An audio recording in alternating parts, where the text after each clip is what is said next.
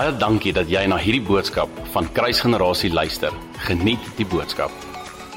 Familie, dit is my so groot voorreg om die woord met julle te kan bedien. Glo my, hierdie is nie hoe ek dit graag wil hê nie. Ek mis dit om rond te loop. Ek mis dit om op die stage te staan. Ek mis dit om 'n mikrofoon in my hand te hê en ek mees van alles, ek mis dit om in julle oë in te kyk en julle letterlik te kan bemoedig. Ehm um, dit is net nie dieselfde om in 'n kamera se lens in in te kyk nie. Maar ek wil julle bemoedig met 'n woord. Ek wil so 'n bietjie gesels oor die Heilige Gees in hierdie tyd.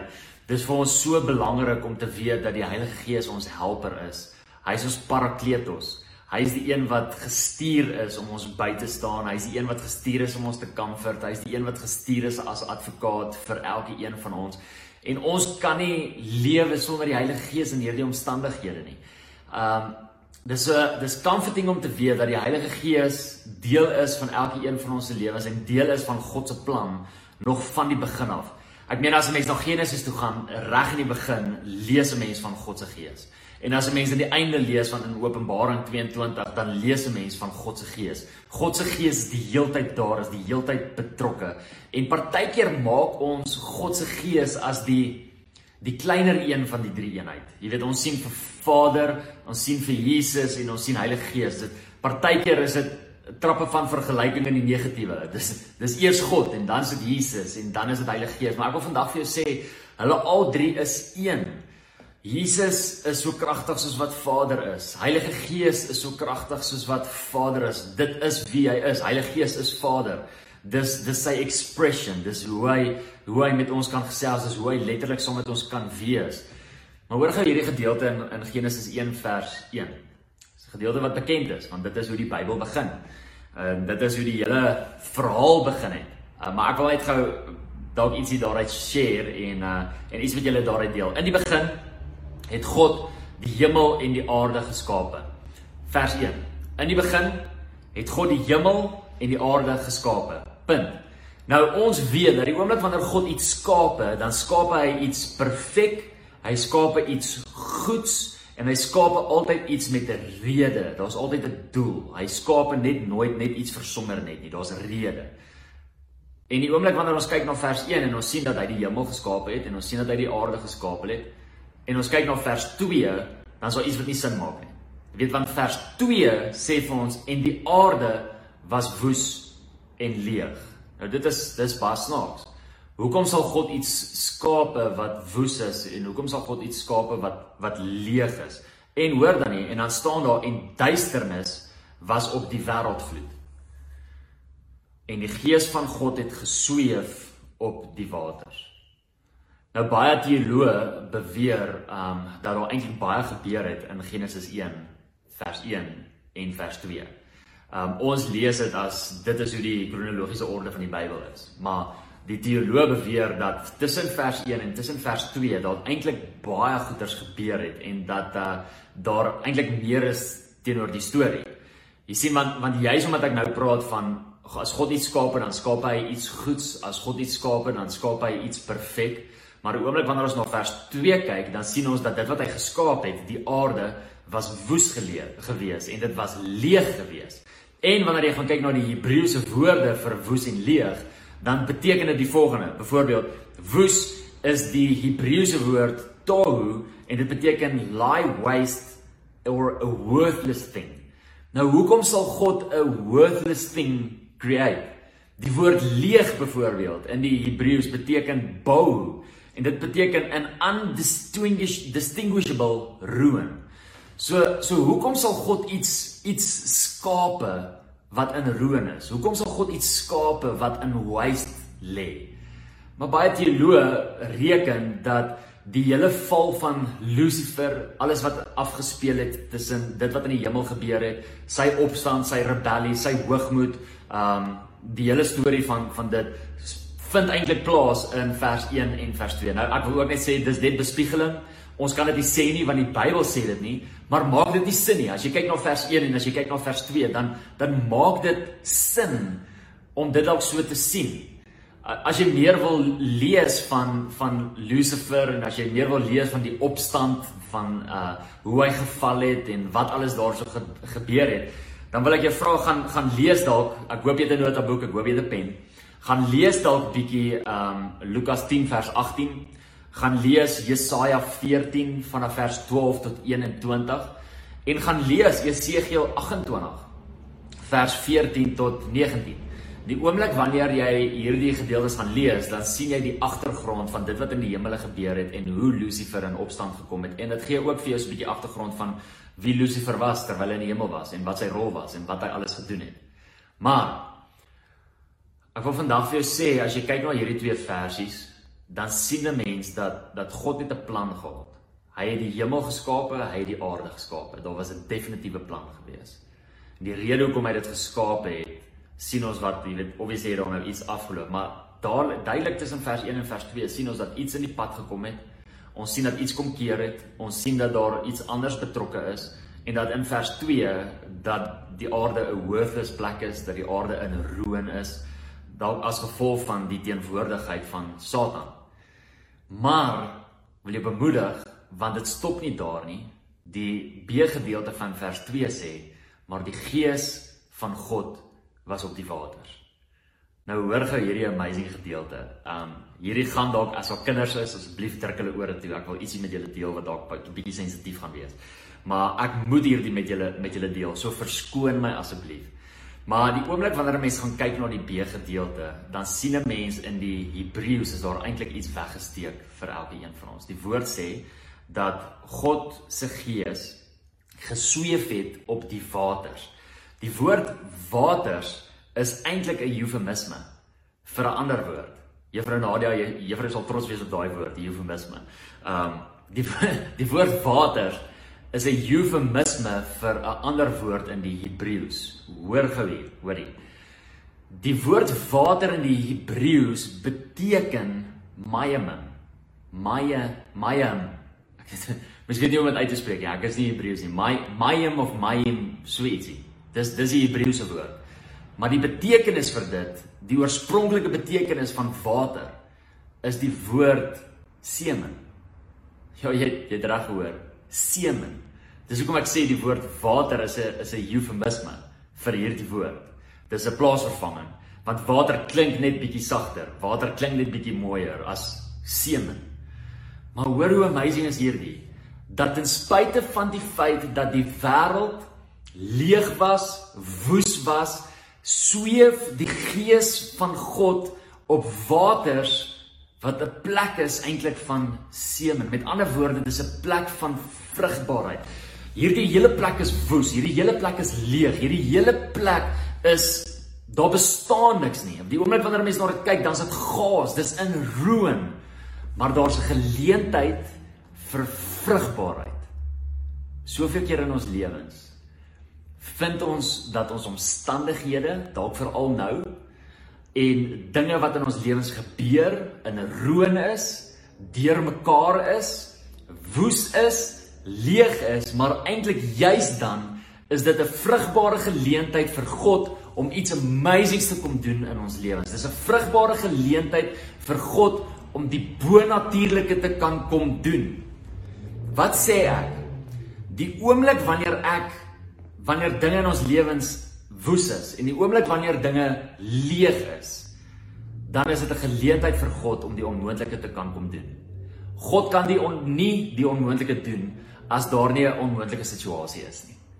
En nou waar ons onsself bevind, daar's baie van ons besighede wat swaar kry. Daar's baie van ons mense wat nie salarisse kry nie. Daar's baie mense wat dalk hulle werke verloor het. In hierdie tyd is dit perfekte tyd vir die God van die onmoontlike om die onmoontlike te kom doen in ons lewens. Dis woes, dis leeg, maar die gees van God sweef op die waters. Dit sweef op hierdie omstandighede, die omstandighede waarin jy jouself bevind. Hierdie leeg, hierdie woes, hierdie chaos, daai omstandighede is 'n vrugbare plek vir die Heilige Gees om iets amazings te kom doen binne in jou lewens. Wow. As as ek nou op stage was, het ek rondgehol en het ek gespring, want dit is so amazing. Dink aan hierdie gedeelte. Romeine 8 vers 11. But if the spirit of him who raised Jesus from the dead from the dead dwells in you, he who raised Christ from the dead will also give life to your mortal bodies through his spirit who dwells in you. Dieselfde Gees wat Christus uit die dood uit opgewek het, lewe binne in ons kinders van die Here.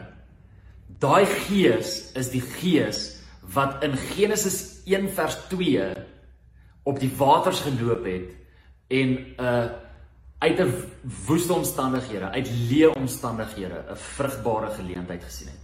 Daai selfde Gees leef binne in ons.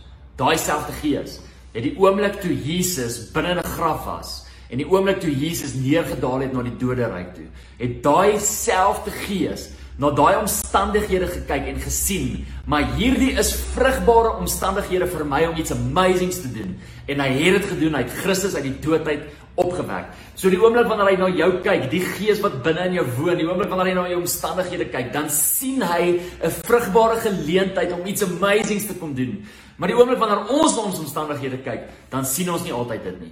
En ek wil jou bemoedig om eerder te kyk na dit wat God sê, om eerder te sien dit wat God sê. Vertrou die Here as dieselfde Gees wat Christus uit die dood uit opgewek het binne in ons woon. Sekerlik is daar geen omstandighede, geen situasie wat te groot is vir hom om 'n vrugbare geleentheid te kan sien nie, om iets amazings te kom doen nie. Sekerlik kan die Here dan iets amazings kom doen, maar ons moet op 'n plek wees waar ons die Here vertrou daarvoor voor en dat ons die Here sal vertrou om hierdie ding se sal kom doen. Die Gees het op die waters geloop. Laat my dink aan die gedeelte in Johannes 7 waar Jesus sê dat die Gees in ons gaan wees en in ons woon en dat hy gaan wees soos 'n rivier. Hoor hoor gou hier. Johannes 7 vers 37 tot 39. On the last day, the great day of the feast, Jesus stood and cried out saying, If anyone thirsts, let him come to me and drink. He who believes in me, as the scripture has said, out of his heart will flow rivers of living waters. But this he spoke concerning the Spirit, whom those believing in him would receive. Die oomblik wanneer die Heilige Gees binne in ons kom woon, die oomblik wanneer ons ons harte vir die Here gee, die oomblik wanneer ons tot bekering kom, die oomblik wanneer ons tot wedergeboorte kom, kom woon die Heilige Gees binne in ons en hy kom woon binne in ons as 'n rivier. En daardie rivier is 'n rivier van lewe. Daardie rivier vloei van die troonkamer van God af as jy 'n studie gaan doen in Openbaring. En dit wat van die troonkamer af beweeg binne in my in as 'n rivier vloei uit my uit wat beteken dat daar 'n blessing is wat wat na my toe kan kom. Wat beteken dat daar lewe kan wees. Wat beteken dat daar waar water is, daar waar riviere is. En dis hoekom Dawid skryf in die Psalms, hy wat geplant is by waterstrome. Dis so belangrik vir ons om te weet dat ons is geplant by waterstrome. Die Gees lewe binne in ons. Daar's geleentheid as gevolg van die Gees wat binne in ons woon dat daar vrugbaarheid sal wees. Daar's geleentheid as gevolg van die Gees wat binne in ons woon dat daar lewe sal wees. En ek wil vandag oor jou kom en oor jou situasie en jou omstandighede lewe spreek. Ek verklaar in die naam van Jesus dat hierdie nie die einde is vir jou nie. Ek verklaar in die naam van Jesus dat ten spyte van die feit dat dit woes is en dat dit leeg is, laat Heilige Gees toe om te loop oor jou omstandighede. Want hy sien 'n vrugbare geleentheid. En ek verklaar oor jou dat die Heilige Gees iets amazing sal kom doen in hierdie tyd. So rukkie terug in die begin van die van die jaar toe die virus nog nie hier by ons was nie was ons by Neelstroom gewees um, met 'n kruisbestuif daar waar ons um, gemeentes bymekaar kom 21 gemeentes kom bymekaar en en dan word ons bemoedig en ons luister na woord en ons word opgelei. En terwyl ons daar is, is ons bietjie af en ons uh, ons jong manne, die jong pastore, om ons is so so 8 11 dalk van ons. Ehm um, gaan na die die water toe, gaan na die rivier toe want ons wil gaan swem in die rivier. Daar is 'n swembad. Maar wie wil nou in 'n swembad swem as daar 'n rivier is waarin 'n mens kan swem? En ons gaan toe na hierdie rivier toe en ons gaan swem. Of jy 'n videoetjie opsit dan dan kan jy sien. Um hierdie videoetjie sien julle dat die rivier loop nogal lekker. Daar's 'n 'n graspol. Nou daai graspol is is waar ons geswem het. Daarso um woel die water so klein bietjie, maar dis nie so erg nie. Ehm um, as as jy daar swem dan is jy nog oukei. Okay. Die gevaar is as jy so klein bietjie regs gaan, dan spoel daai water jou af. Nou daar's 'n klip soos wat julle daar sal sien wat uit die water uit sal staan, uitstaan. ek het geswem en ek kon nie terugkom nie en die hele rivier het my die rivier het my afgevat totdat ek by daai klip gekom het en ek het geswem en vasgehou aan daai klip. Daar sien julle sien staan pastoor Tuis, daai is die gedeelte waar ons geswem het, maar ons moes nie daar afgegaan het nie. Maar die rivier se waters was so sterk geweest dat dit my daar afgevat het en dat ek ek kon nie keer nie. Nou pa ma moenie worry nie, ek is okay. Hierdie is al 3 maande terug. ek is fyn. Ehm um, maar die rivier het my daar afgevat. Ek kon nie keer nie. Daar's niks wat ek kon doen nie. Ek is 'n redelike sterk swemmer. Ek het groot geword by die see. Ek weet wat dit is om teen strome te swem. Ek weet wat waters kan doen. Ek kon niks doen nie totdat ek kon vashou het aan daai klip wat uitgesteek het uit die water uit. En van daar af kon ek weer terugkom en op ehm um, droë land kom. Maar die volgende dag baie van julle weet dat dit is waar daai daai kerkie is wat aan die brand is. Vir die vele wat nou nie aan die brand was, sorry. Vir die vele wat nou nie onthou nie, ehm um, vroeg in die 1900s was daar 'n kerkie gewees daar naby Meelstroom. Ehm um, en daardie kerkie, mense was daar gewees, hulle was besig om te bid en terwyl hulle gebid het, het die Heilige Gees neergedaal op daardie kerkie en die kerk se dak het aan die brand geslaan sodat die bure, die omliggende bure, die boere, die brandweer getel het en hulle ook met al hulle waterkanne en alles na die kerkie toe gegaan het om hierdie vuur te gaan blus. Maar soos wat hulle aangery het en soos wat hulle naby aan hierdie kerk gekom het, het die Here hulle gedoop met die Heilige Gees en het hulle in tale begin praat en dit het gemaak dat dat herlewing uitgebreek het in daai gedeelte. En die volgende oggend gaan bid ek binne in daai kerkie want ek is so honger vir daai vuur wat daar was, vir daai herlewingsvure wat daar was en ek bid en ek en ek gesels met die Here en ek en ek sê vir die Here, Here, mag daai herlewingsvure wat oor daai kerk gerus het, mag dit wakker word in ons lewens, mag dit wakker word oor ons kerk, mag dit wakker word oor kruisgenerasie, mag dit deel wees van ons lewens. En die oomblik toe ek dit begin bid, sien ek hoe die Heilige Gees se damwal breek. Ek sien dit in die Gees en hoe hierdie water my voete onder my uitslaan en hoe ek gaan en die Heilige Gees wys vir my die prentjie van hoe ek die vorige dag by daai rivier afgegaan het en hoe ek nie kon keer nie. En ek hoor hoe die Here vir my sê dat die oomblik wanneer die Gees gaan uitbreek ten volle gaan ek nie wil keer nie gaan ek moet gaan saam met die stroom.